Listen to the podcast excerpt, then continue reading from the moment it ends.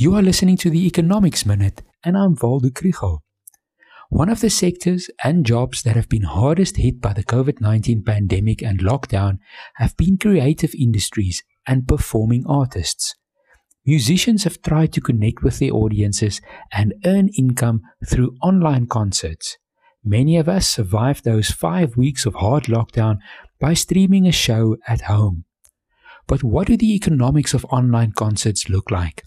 A recent survey gives us some insight. About 70% of the platforms are small businesses that have their origins in the music industry. The business model is pay per view, where the viewer makes a once off payment to view a single show.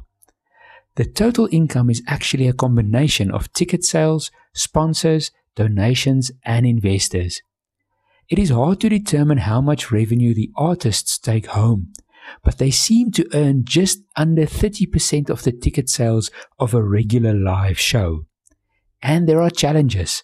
For example, that it is impossible to take out insurance against losses. The rights to the recordings are also an issue. In some cases, the artist owns the rights.